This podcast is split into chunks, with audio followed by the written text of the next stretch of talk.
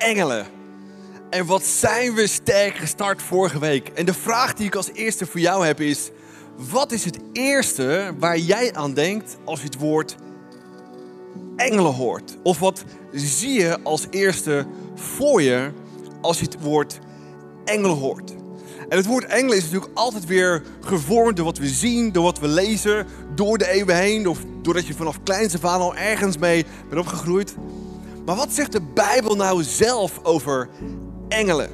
Nou, misschien ken je engelen zoals hier achter me. Grote vleugels, machtig mooi. Of inderdaad misschien als beeldjes met kerst of in een kerk. Maar wat zijn engelen nou precies? Nou, vorige week hebben we gezien dat het woord God betekent Elohim. En misschien ken je het woord God ook wel als Elohim. Maar het woord God Elohim is zowel enkelvoud als meervoud. En ja, God is enkelvoud, één persoon. Maar God is ook meerdere goden, lezen we ook in het Oude Testament. Omdat God wil samen regeren. En je ziet bij het verhaal van Job dat hij samen met andere goden wil bepalen... Hey, wat voor stap moeten we nu samen nemen? En ja, er is uiteindelijk maar boven die goden maar één God, Elohim, enkelvoud. Maar tegelijkertijd zijn er meerdere goden meervoud.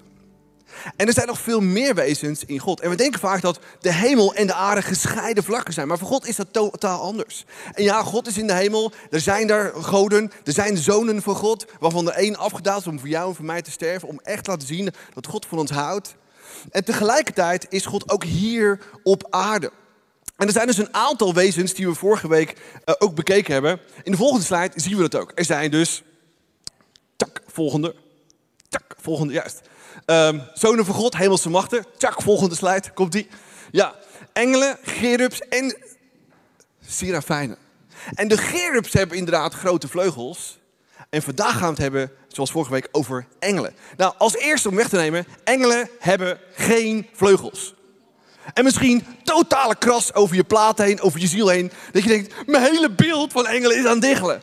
Ja, maar dit is het ware beeld, want die hebben geen vleugels. En er zijn zoveel verhalen in het Oude Testament waarin mensen tegemoet waren gekomen door engelen. En als ze vleugels hadden gehad, hadden ze gelijk gezien of dat het een engel was, toch? Maar het was altijd zo van, ja, uh, wie ben je? Ja, ik ben een engel. Terwijl als ze vleugels hadden gehad, had het natuurlijk overduidelijk geweest. Nou, de vraag voor jou is, heb jij een beschermengel? Daar gaan we het vandaag over hebben. Heb jij een beschermengel? En ik wil je meenemen in een verhaal over engelen. Mijn verhaal met engelen begon op jonge leeftijd. Voor degenen die mij wat langer kennen, ik hou van zeiler. Zeilers hier in de zaal. Ik zeil al vanaf mijn twaalfde. Ik heb katamaran gezeild, EK's, WK's, NK's en twee keer rondje Tessel als zesde binnengekomen. Nou, als je zesde binnenkomt van 600 katamarans, dan ben je echt awesome. Geloof me. Dankjewel, dankjewel. Oké. Daar gaat het niet om. En als je aan het zeilen bent, maak je zoveel momenten mee die echt serieus gevaarlijk zijn. En mijn weer is zoveel mogelijk wind, zo hoog mogelijke golven. Ah, awesome. Maar daar zit het gevaar ook. En er was één keer voor de kust van Nederland dat we met onze katamaran tijdens een wedstrijd omsloegen. Je moet je voorstellen, je hebt een harnas aan, haak, je hangt in de trapezer. We sloegen om, ik kwam onder het grootzeil terecht uh, met een fokkerschoot, met een uh, helemaal om me heen en ik zat helemaal vast. Onder water. En er gebeurde daar op dat moment zoiets bijzonders. Achteraf denk je van, dan moet je toch totaal in paniek raken. Maar iets in mij en bij me zei, Ari, no worries. Denk na. En maak jezelf los. En ik deed precies dat. En achteraf was dat moment voor mezelf in mijn relatie met zo ontzettend betekenisvol. Dat ik dacht, daar heb ik een engel bij me die me op mijn schouder klopt. Ari, geen paniek, no worries. Denk na en maak jezelf los. Ik maakte mezelf los en wonderbaarlijk genoeg onder het zeil vandaan naar boven gezwommen. Iedereen heeft een beschermengel. Of je het gelooft of niet, of je het doorhebt of niet, en daar gaan we het over hebben. Het vers wat daar staat, lezen we in Matthäus 8, vers 18, vers 10. Kijk niet op deze eenvoudigen neer. Dat was Jezus, Jezus zegt dat hier zelf. Jezus zegt Deze mensen die in mij geloven, die houden van me. En daar moet je niet op neerkijken. En onthoud dit. Hun engelen, hun engelen zijn voortdurend bij mijn Vader in de hemel. Andere vertalingen zeggen ze kijken hem recht in het gezicht. En zijn verbonden met de mensen die in Jezus geloven. Nou, ik hoop met mijn hele hart dat je in Jezus gelooft. En ik hoop met mijn hele hart dat je niet alleen in Nederland woont, maar dat je ook in Gods koninkrijk woont. En een koninkrijk heeft altijd vier essentiële elementen. Het heeft een koning. Wie is onze koning als gelovige? Oké, gelukkig. Iemand zegt Jezus, holy moly. Oké, oké. Oké, en een koninkrijk heeft wat nog meer? Een koning en een territorium. En wat heeft een land nog meer nodig? Wetten en regels. Voor ons is dat als gelovigen. Gods woord. En uiteindelijk heb, heb je nog meer nodig? Voor mensen. Je hebt mensen nodig koning en mensen, dan, dan, heb je het, dan heb je het een beetje rond. En ik hoop met mijn hele hart dat je echt een, een trotse Nederlander bent. Maar ik hoop ook met mijn hele hart dat je je leven aan Jezus gegeven hebt. Zodra je je leven aan Jezus geeft, zegt bedankt voor het kruis, bedankt wat je voor me deed. Dan stap je eigenlijk in het koninkrijk van God. Jezus is je redder. De Bijbel is je richtlijn. Je woont in zijn koninkrijk. En dit zijn je medegelovigen. Kijk even om je heen en zeg even awesome, awesome, awesome, awesome. Oké. En als je dus in een koninkrijk woont, we zien nu heel erg, we zien nu heel erg duidelijk dat met oorlogen, dan willen we niet alleen ons territorium verdedigen, maar ook de mensen die daarin wonen.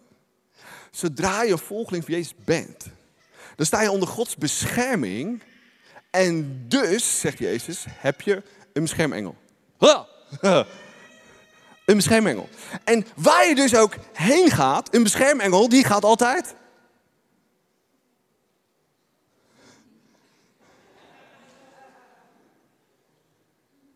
Scary. Oké, een beschermengel gaat dus altijd met je mee. Waar je ook bent, wat je ook doet en waar je ook heen gaat. Dat is dus een beschermengel. En die engel, die is dus altijd bij je. Jezus had zijn engelen ook kunnen roepen. Ken je dat moment dat hij in de hof van Gethsemane is? En uiteindelijk gaat dus Judas gaat er vandoor, haalt een paar mensen, religieuze leiders, komen wat uh, oproerkraaiers bij om hem te arresteren. En wat doet Petrus met zijn grote mond, emotioneel? Flats! Oor eraf. Had Jezus gezegd dat hij het moest doen? Nee, natuurlijk niet. Dat was Petrus. Oké, we gaan die kant op. Applausje voor de engel, ja. Oké. Dus dan gebeurt er het volgende. Jezus zegt dan tegen zijn discipelen: Als ik wil, kan ik God opdragen hoeveel engelen te laten komen. We lezen het in Matthäus 26. Hij zegt dus tegen Petrus met zijn grote mond het volgende. En zijn discipelen. Besef je niet dat ik mijn vader zou kunnen vragen meer dan twaalf legioenen engelen te sturen om ons te verdedigen? Is dat geloof of niet? Dat is geloof. En hij zou ze sturen. Nou, voor de duidelijkheid, hoeveel is een legioen? Ongeveer 6000 manschappen. Romeinen, Romeinse tijd. 12 legioenen is 72.000 engelen. En dan kun je zeggen, waarom had Jezus gewoon niet kunnen zeggen, ik heb 12 engelen nodig of zo? Toch? Is ook goed, toch? Waarom 72.000? Waarom absurd veel? Nou ja, dat is wat Petrus nodig had natuurlijk. Um, en ongelovige Thomas, maar ook nog het volgende. Wat wij moeten snappen is, de mensen van die tijd, de twaalf discipelen, hadden alleen maar een perspectief van het Oude Testament, toch? Het Nieuwe Testament was geschreven in waar ze bij waren. En het perspectief wat ze hadden van het Oude Testament is dat er één verhaal was in het Oude Testament. Dat er één engel kwam en versloeg een volk van 125.000 militairen. Eén engel. Dus Jezus wist dat perspectief en die zei: Oké, één engel, 125.000 man. 72.000 engelen. Woe! Hij wilde ze overtuigen van hoe krachtig engelen kunnen zijn. En ook dus in ons leven. En ik hoop met mijn hele hart dat je vandaag overtuigd wordt van engelen. Dat ze in je leven zijn om iets voor je te doen. Matthias, vertel ons. Ja, engelen zijn dus zo heftig krachtig, zo heftig sterk, zoals Arjen net een voorbeeld gaf. En engelen vergezellen ons. Zouden ons gezelschap. Deze krachtige wezens zijn dus bij ons, zijn bij mij, zijn bij jou, zijn bij ons allemaal. En het beste voorbeeld wat we hierin uh, naar voren kunnen halen is een verhaal uit het Oude Testament. Waarin we lezen dat God tegen Mozes zegt: Mozes, ik wil dat je even 250 miljoen man door de woestijn heen loost naar het beloofde land. Ik weet niet of jij ready zou zijn als het tegen je zegt wordt 250 miljoen mensen door de woestijn te loodsen. Maar dat werd hem gevraagd. En dan zegt God dit tegen hem. Ik stuur een engel voor u uit. Ah, dus hij stuurt een engel voor dat hele volk van 250 miljoen, stuurt hij uit. Om wat te doen? Om u veilig. Die engel houdt het hele volk veilig. Hij beschermt ze, hij omringt ze. Dat is wat de engel hier doet. Om je naar het land te brengen wat ik voor u bestemd heb. Om naar het land te brengen wat God voor ze bedacht had. Niet waar Mozes zo graag naartoe wilde, maar om je te brengen naar de plek waar God jou zo graag naartoe wil hebben. Dat is wat hier gebeurt en dat is wat er staat. En eigenlijk is het heel simpel. Het enige wat we hoeven te doen, we zijn gewoon een stelletje schapen. We hoeven er achteraan te lopen. Bah, ik loop er achteraan, want hé, hey, kom man, het is engel van God. En waar God naartoe wil, is goed. Want God heeft altijd het allerbeste met me voor. Dus het enige wat ik hoef te doen is, bah, Erachteraan, simpel, als een schaap, erachteraan. God zegt, ik stuur een engel voor je uit. Ze zullen je leiden, ze zullen je beschermen. En ik vind het waanzinnig als ik dit lees. Ik weet niet wat het met jou doet, maar mij maakt het heftig enthousiast als deze engelen zo bij mij aanwezig zijn om dat te doen. Dus hoe weet je dat er beschermengelen zijn? Kan je Bijbelvers naar Bijbelvers, naar Bijbelvers, naar Bijbelvers, naar Bijbelvers, naar Bijbelvers, naar Bijbelvers voorlezen waarin we kunnen lezen over engelen en wat ze allemaal doen. Maar het is nog makkelijker om even een clip, clip te laten zien. Have you seen an angel today? Well, maybe yes, but you didn't notice. Angels are omnipresent throughout the whole Bible, from the book of Genesis to Revelation. These mysterious agents appear out of nowhere more than 300 times, only to disappear again. They are mostly perceived as adult male, beautiful human forms, often clothed in white and surrounded by celestial light. Even though they seem to move effortlessly through time and space, only the cherubs are able to fly. Aren't those the cute little babies with wings? No, think again. Cherubs are the cooler version of doormen. They stand as watchmen between heaven and earth and are able to change shape and form drastically. When you see one, you know you're about to enter the holy presence of God. They guard the Garden of Eden, the Ark of the Covenant, and the throne of God. Apart from the cherubs and their special position, God can also rely on an entire army of angels to support his ground crew. Angels urge Lot to hurry away from the doomed city. Come on, man, this way, come on, come on. Angels protect Daniel in the lion's den and make sure the animals can only drool. They ensure the beasts cannot open their mouth. Shut your mouth, lion angels bring messages. Mary, you will conceive and give birth to a son. Good news for the whole world. Well, almost. Joseph wasn't too pleased at first. Angels can even replace a visit to the nearest fast food joint. They feed Jesus after his 40 day fast in the desert. Dad said, Eat! Well, they sure can do of some cool things. Meer dan 300 versen waarin we terug kunnen lezen dat er engelen zijn en dat er engelen bestaan. En toch, toch vind ik het nog zo vaak lastig om dit concept van engelen echt te begrijpen. En echt te zeggen, oké, dit is een onderdeel, een wezenlijk onderdeel. Ik ben opgegroeid met het besef dat er een God is die van me houdt en die perfect is. En omdat, nee, niet helemaal, ik ben niet helemaal perfect. Omdat ik niet helemaal perfect ben, heeft hij zijn zoon gestuurd die voor mij stierf, opstond uit de dood. Waardoor ik weer helemaal mezelf kan zijn en echt God meer kan leren kennen dan ooit tevoren. En op het moment dat ik Jezus accepteer, krijg ik de Heilige Geest. Kan ik ook alles mee. En God wil, wil door zijn geest heen, door mij heen werken. En dat ervaar ik keer op keer op keer. En toch vind ik engelen elke keer weer zo'n lastig concept om mee om te gaan. Maar al die andere drie, daar praten we zo vaak over. En over engelen. Ik heb er hier nog niet zoveel over gehoord. Ik ga nog niet zo lang mee. Misschien is dat het. Klopt ook. Maar als we naar het verhaal van Mozes kijken, Dan lees je dat God Mozes een engel geeft die 40 jaar lang voor hem uitgaat. Die hem beschermt. Die hem veilig houdt. En ik wil je uitleggen waarom dat gebeurt. Allereerst hebben we God. God zijn naam is Yahweh. Yahweh Nissi, Yahweh Jiri, Yahweh Rafa. En hij heeft veel verschillende namen. Die betekenen voorziener, banier, geneesheer. Noem het maar op. Zoek het keer op. Is nice. En hij moest een volk van 200 en een half, 2,5 miljoen man door die woestijn heen zien te loodsen. 2,5 miljoen man die door de woestijn heen moesten.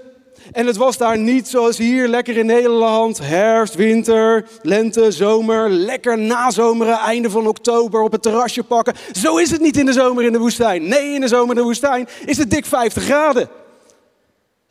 En s'nachts was het pikken donker en ijskoud. Dus wat doet God? Overdag stuurt hij een grote wolk.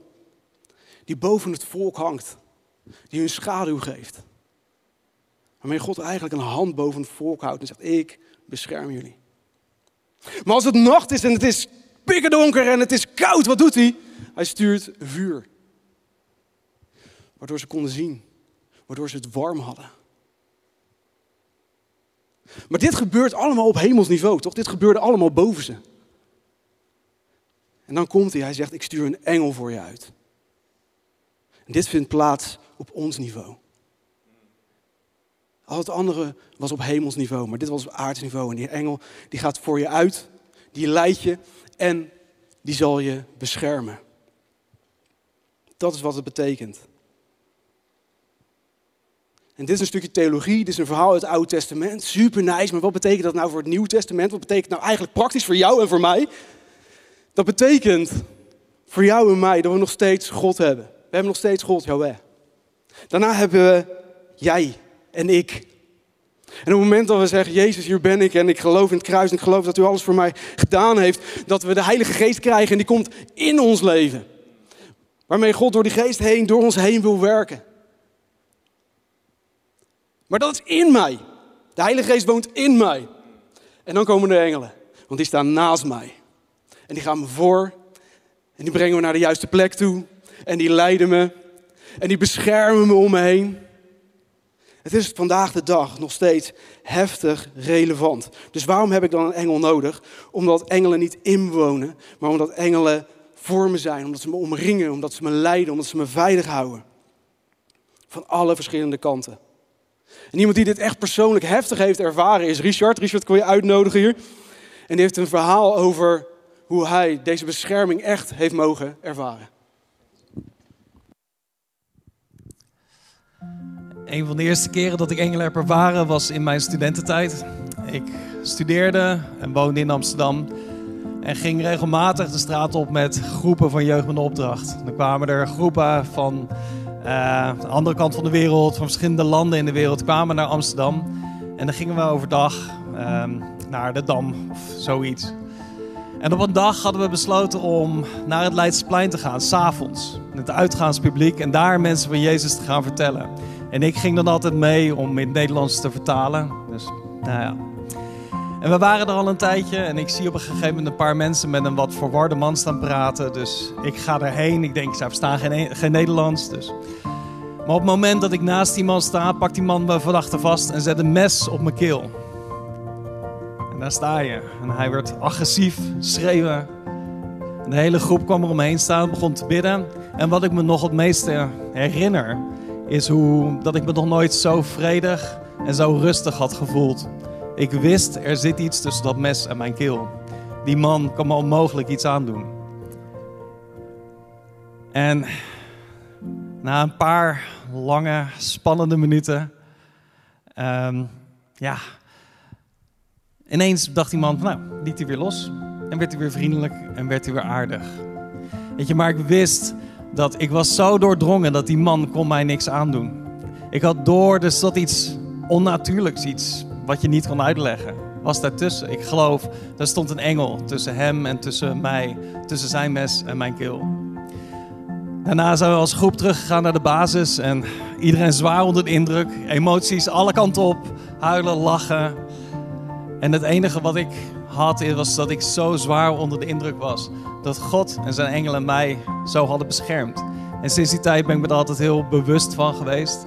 Ik en mijn vrouw, mijn gezin, hebben verschillende momenten en ervaringen waar we gezien hebben dat God bovennatuurlijke wijze eigenlijk inbrak en ons beschermd heeft.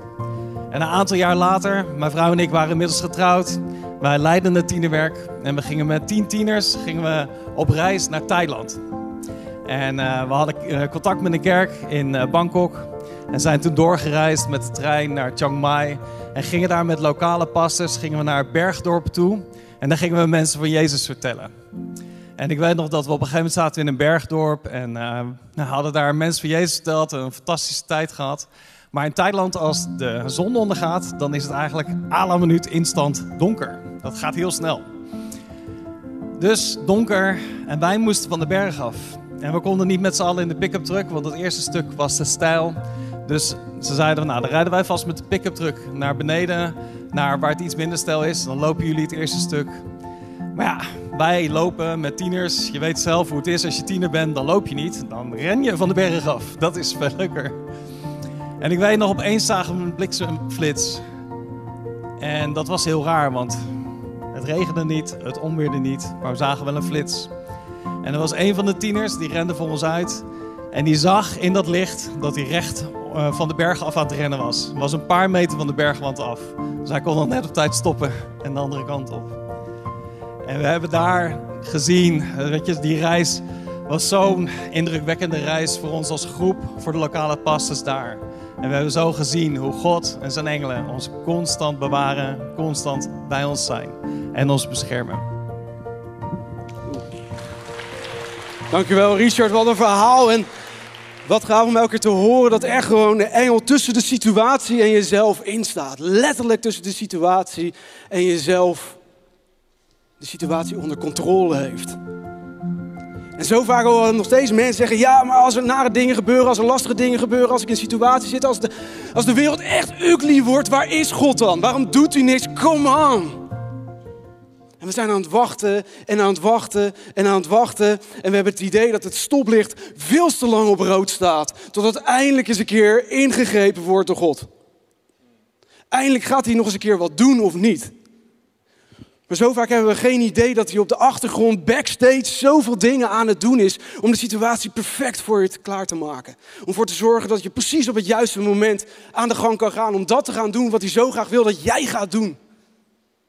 Soms lijkt dat het stoplicht zo lang op rood staat. En ik geloof dat als ik uiteindelijk boven kom, dat God tegen me zegt, nou moet je eens luisteren. Daar was ik aan de gang, daar was ik aan de gang, daar was ik aan de gang. Je had het niet door, ik was backstage, maar daar was ik aan de gang. Daar was... Bij de een misschien wat meer dan bij de ander. Alright, de ene loopt in iets meer sloten, maar daar was ik bezig voor je en daar was ik bezig voor je. En daar stuurde ik mijn engelen en daar stuurde ik mijn engelen en daar zal je het zien en daar zal je het zien. Want ik geloof dat engelen ons beschermen. Vaker dan dat we maar enig benul ervan hebben. En dan heb ik nu het vers, dat is de crème de la crème, dat is de kers op de taart, dat is de Ferrari, dat is de, mm, de beste vers over engelen wat je maar kan verzinnen. En als iemand je vraagt, waar heb je het gehoord? Dan was het hier vandaag bij ICF. Dat is Psalm 91, daar staat, hij zal zijn engelen bevelen voor u uit te gaan en u te beschermen. Waar je ook gaat, ze zullen u op handen dragen en je zal niet struikelen. Wauw. En er zijn genoeg plekken waar je te horen zal krijgen. Als je, maar, als je maar perfect aan alle geboden houdt. Als je maar perfect doet wat God allemaal van je vraagt. Als je maar helemaal binnen de lijntjes loopt. Dan zal je een awesome leven hebben. Dan zal je van zegen op zegen, applaus op applaus. Van vliegtuig naar vliegtuig, financiële meevallen naar financiële meevallen. Van universum naar universum gaan. En alsjeblieft, als je dat hoort, geloof het niet. Want ik geloof niet in dat soort preaching. Geloof het niet, want als ik de Bijbel lees, dan lees ik iets heel anders. Dan lees ik een verhaal over mannen, over vrouwen, die samen met God op weg gingen. Mannen en vrouwen die met God op weg gingen door goede situaties, die op weg gingen door slechte situaties. En in goede situaties zeiden, oké God, je bent mijn God en ik geloof in je en ik blijf je volgen. En in slechte situaties zei hij, oké God, ik geloof in u. En ik blijf je volgen. Wat de situatie ook is. Wat de omstandigheden ook zullen zijn. Dat is wat ik lees als ik mijn Bijbel lees. De Bijbel is geen sprookje waar altijd alles dus fantastisch verloopt. Maar deze psalm is wel fantastisch en die heeft wel een heftige belofte. Maar er is een hele grote maar. Ben je er klaar voor? Duiken verder in Exodus, in het verhaal van Mozes. Daar staat, want mijn engel zal voor u uitgaan en u brengen in het land van de. In het land van de. Hij zal je brengen in het land van de. De wat? Waar brengt die engel me naartoe? Want zo vaak denken we, als de engel me leidt, dan loop ik daar achteraan en ik ben single en ik wil niks liever dan een andere single ontmoeten en daarmee trouwen en dan boem. Hij heeft me naartoe geleid en we zijn de volgende dag getrouwd. Of de engel die leidt me, dus ik volg en die, hij leidt me dus. Ik wil een fantastische baan en ik loop door en ik loop tegen dat kantoor aan en boem. Ik hoef niet te solliciteren, ik ben de volgende dag CEO. Toch? De engel leidt me. Als hij me leidt, het is wat God wil, dus dat is hoe het gaat. Zo vaak denken we dat als de engel me leidt, dat ik achter die engel aanloop. En dat ik uiteindelijk zeg, weet je, ik wil zo graag dat nieuwe huis, want ik heb geen appartement, niks. En boem, we lopen weer tegen een situatie aan. Huis verkocht, alles is in kannen en kruiken en het is geregeld. Maar vaak als ik mijn Bijbel lees, dan staat er heel wat anders. Dan staat dat de engel me zal beleiden naar naar het beloofde land. Dat is waar hij me naartoe zal leiden.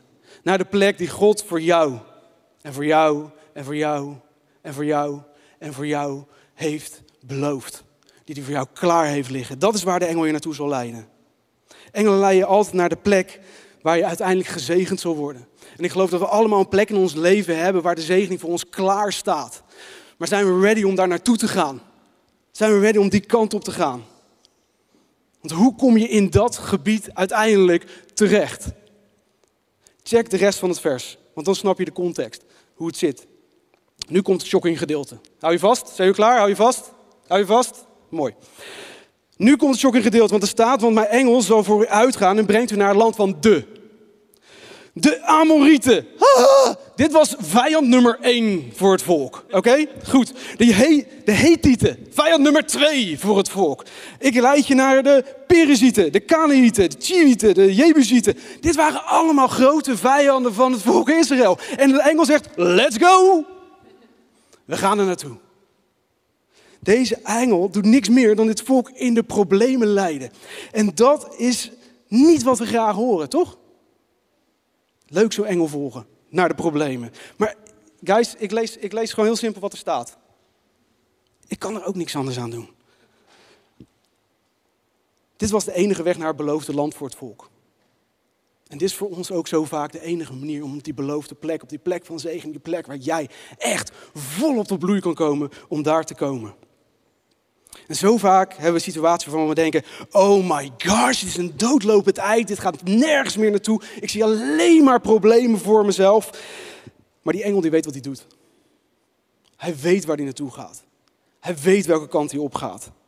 En hij belooft je dat hij zal beschermen in welke situatie je uiteindelijk ook terecht gaat komen. En uiteindelijk zal hij door die situaties Gods grootheid laten zien. Dat is wat hij belooft de Bijbel staat vol met dit soort verhalen. Denk aan Jozef. Jozef zat twaalf jaar in de gevangenis. Waarom zat hij twaalf jaar in de gevangenis? Omdat er een vrouw was die dacht, hmm, dat is een lekker stukje vlees, daar wil ik wel het bed mee induiken. En Jozef die had kunnen denken, nou ik ben jong, ik ben good looking, what happens in Egypt stays in Egypt.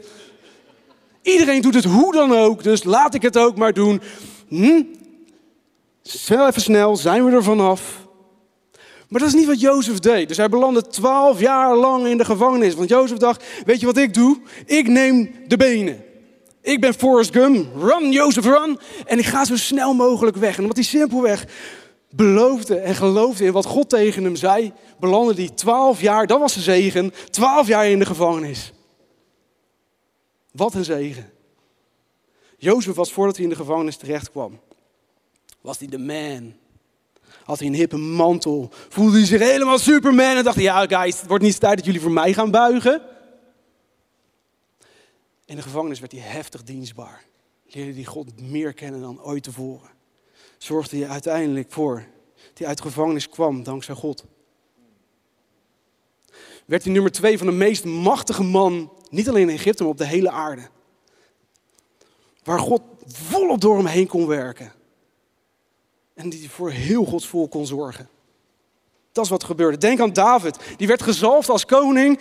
En nou, dat is nice, want dan hè, gezalfd als koning, dan word je koning. Hup, naar het paleis. Nee. Om eerst de eerste jaren alleen maar achtervolgd te worden door de meest special forces, de grootste commando's die toen te vinden waren, om hem te doden. Dat was de zegen die hij eerst ervaarde. Denk aan Daniel. Die wilde doen wat God van hem vroeg en die werd in een leeuwenkel gegooid. Waar God zei, ah, ah, dit is geen lekkere snack. Denk aan Paulus. Die leidde schipbreuk. Die ging van gevangenis naar gevangenis. En die gevangenissen waren rioleringen tot ongeveer hier waar hij in zat. Om God maar beter en beter te leren kennen. En hij schreef wel uiteindelijk twee derde van het Nieuwe Testament. Hij plantte meerdere kerken.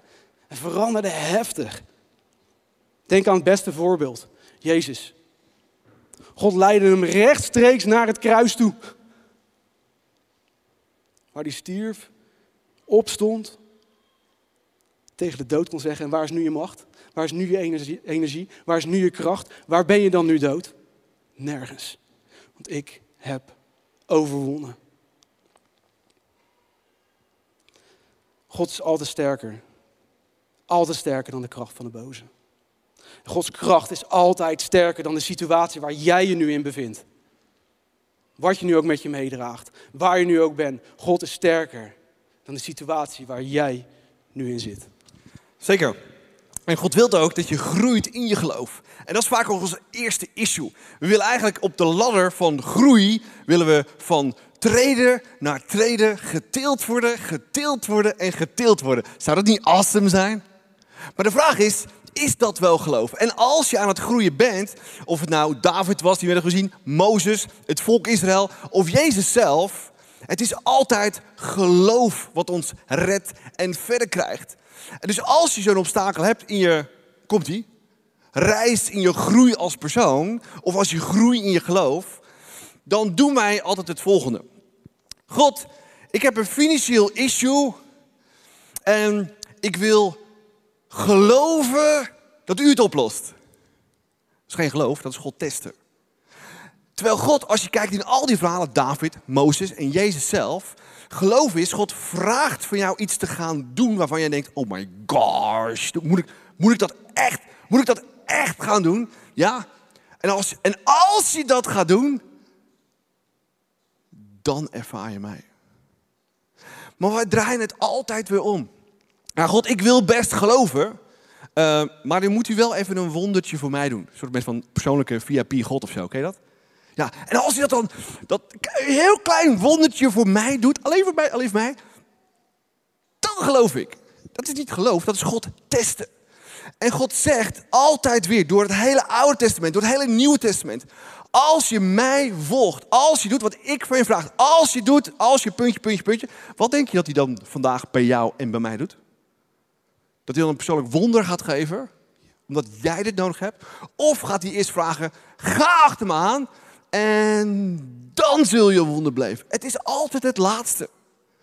En ik hoop met heel mijn hart dat je ergens, als je je Bijbel leest, als je Gods stem verstaat, als je engelen om je heen hebt, de uitdaging durft aan te gaan om met jou, Jezus, op stap te gaan, de dingen te doen die God van je vraagt. En ja, dat is scary.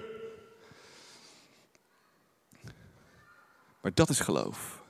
En als je ondanks jouw twijfels, ondanks jouw angsten, ondanks jouw angst, bibberen en beven, wat Mozes had, wat Daniel had, wat Abraham had, wat Jezus had aan een kruis. Wat was de grootste test van Jezus? Zijn leven geven, doen wat God op van hem vroeg, zijn eigen vader, in de hoop dat zijn vader na drie dagen weer liet opstaan. Heb je daar geloof voor nodig? Oh my gosh. Ja, na drie dagen sta je weer op. Ja, pap, dat zeg je. Ja, maar geloof je het ook? Dat is geloof. En dat moet ons de rust en de zekerheid geven. En als we op weg zijn met onze God en onze Jezus, dan voorziet God altijd in engelen die ons verzorgen en beter helpen. Een evangelist heeft het volgende gezegd. Een groot geloof is het product van grote worstelingen samen met jou, Jezus. Grote getuigenissen, zoals we net gehoord hebben, zijn het resultaat van grote testen waar je doorheen bent gegaan met Jezus. Grote overwinningen kunnen alleen voortkomen uit grote beproevingen samen met jou, Jezus. Matthias, maak deze message af. Ja, ik wil afsluiten met de gedachte waarom engelen dan zo belangrijk zijn. Want ik geloof dat dit Gods huis is. Ik geloof dat dit Bethel is. Afgelopen week hadden we in het eerste topic van deze serie hadden we het over Jacob. Die ging slapen en hij zag een trap naar de hemel toe. Hij zag engelen op en neer lopen. Op en neer gaan. Letterlijk de hemel open gaan. En hij werd wakker de volgende dag en hij tilde de steen op en hij zei vanaf dit moment is dit Bethel. Het heette daar eigenlijk Lus. Moet je je voorstellen als we hier in Leiden naar de burg toe lopen, een steen overeind zeggen en zeggen, nou vanaf nu is het niet meer Leiden, nu, nu, nu, nu is het uh, Bethel. Dit, de plek waar jij nu bent, is Bethel. Dit is Gods huis. Dit is waar het om gaat. En ik geloof dat dit de plek is waar engelen aanwezig zijn. Waar engelen aanwezig zijn die niks liever wil dan onze God aanbidden. En dat als wij onze God aanbidden, dat zij met ons mee aanbidden. En als we maar een beetje het gevoel hebben gekregen van wat engelen nou eigenlijk precies zijn, dan staat alles hier te trillen in een wereld die we misschien niet kunnen zien, maar die er wel degelijk is. En als dat niet de situatie is, hoe aanbidden we dan? Hoe zijn we dan echt onze God aan het aanbidden? Zijn we dan hier gewoon alleen om even in de kerk te zijn en dan een bakje koffie te drinken en dan weer naar huis te gaan? Of zijn we echt God aan het aanbidden? Met alles wat we hebben, met alles wat we zijn. Als mensen mijn huis binnenkomen thuis. Als ze binnenkomen lopen en zeggen niet, oh my gosh, wat is hier aan de hand? En ze ervaren Jezus niet in mijn huis. Wat is er dan mis met mijn huis? Wat is dan mis met de manier waardoor ik God binnenhaal bij mij thuis? Waardoor ik engelen uitnodig in mijn huis. Nog persoonlijker. In welke situatie zit jij op dit moment? Welke situatie? Waar ga jij nu doorheen? Hoe ugly het misschien ook is. Hoe nasty het misschien ook is wat andere mensen je aan hebben gedaan. Hoe nasty het misschien ook is wat jij hebt gedaan. Op welke plek zit jij? Want vandaag kan de dag zijn waarop jij zegt: En nu til ik die steen op. En dit is battle. Dit is Gods huis. Dit is een moment waarvan ik de rest van mijn leven naar terugkijk en zeg: Ik ben het samen met God gaan doen. Ik ben het samen met zijn engelen gaan doen. En we zijn door die situaties heen gegaan, omdat ik weet, aan de andere kant ligt dat beloofde land. Aan de andere kant ligt de zegening. Aan de andere kant ligt de plek waar God me niks liever wil hebben, omdat hij me daarvoor heeft gemaakt. Omdat hij me daarvoor zo uniek heeft gemaakt. Ieder op zijn eigen manier, precies om daar te krijgen, waardoor hij precies door jou heen kan doen, waardoor jij een heftige impact kan hebben op je familie, op je vrienden, op je kinderen, op je gezin, op je collega's, op je studiegenoten, noem het maar op. Dat is waar hij je wil hebben. En dat is waar jij 100% tot de meeste recht kan komen. En waar je situatie nu zit, hoe ugly het ook is, hij wil jou daar doorheen trekken. En hij wil niet dat je dat gevecht alleen aangaat. Hij wil zijn engelen voor jou uitsturen om met je mee te vechten, om je te omringen, om je te beschermen, welke situatie het ook is. Hoe je ook vandaag hier naar binnen bent komen lopen. Waarmee je ook vandaag hier naar binnen kunt komen lopen. Hier zijn engelen aanwezig. En de rest blijft buiten. En dit is jouw battle. Dit is jouw moment om die steen overeind te zetten. Laat me afsluiten met dit vers. Opnieuw Psalm 91. Hij zal zijn engelen bevelen voor u te zorgen en u te beschermen. Waar jij ook gaat, ze zullen je op handen dragen. En je zal niet struikelen. Als God zegt dat je niet zal struikelen, zal je niet struikelen. En als je Bijbel leest, doe dan altijd dit. Lees niet dat ene vers wat zo mooi klinkt. Lees wat ervoor staat. Wees wat erna komt. Lees het vers wat ervoor staat, begrijp het. Lees het vers waar het over gaat en lees wat erna staat. Want als ik verder lees, dan lees ik dit. In vers 15. Als hij mij roept, zal ik hem antwoord geven. Als hij het moeilijk heeft, dan zal ik bij hem zijn. Als jij hem roept, zal hij, God, je antwoord geven. Als jij het moeilijk hebt, dan zal Hij bij je zijn. En Hij zal je bevrijden. Hij zal je herstellen. Hij zal je weer rechtop doen staan in welke situatie je nu ook zit. God zegt, mijn engelen zullen je leiden, ze zullen je beschermen. Jij hebt een beschermengel, hoe je lastig en ukkel je situatie op dit moment ook is. En als we het uitroepen naar onze God, als we het naar Hem uitroepen, dan zal Hij antwoord geven. Dat is wat hier staat. Je zal sterker uit de situatie komen dan dat je er ooit in bent gegaan. Want je bent op weg.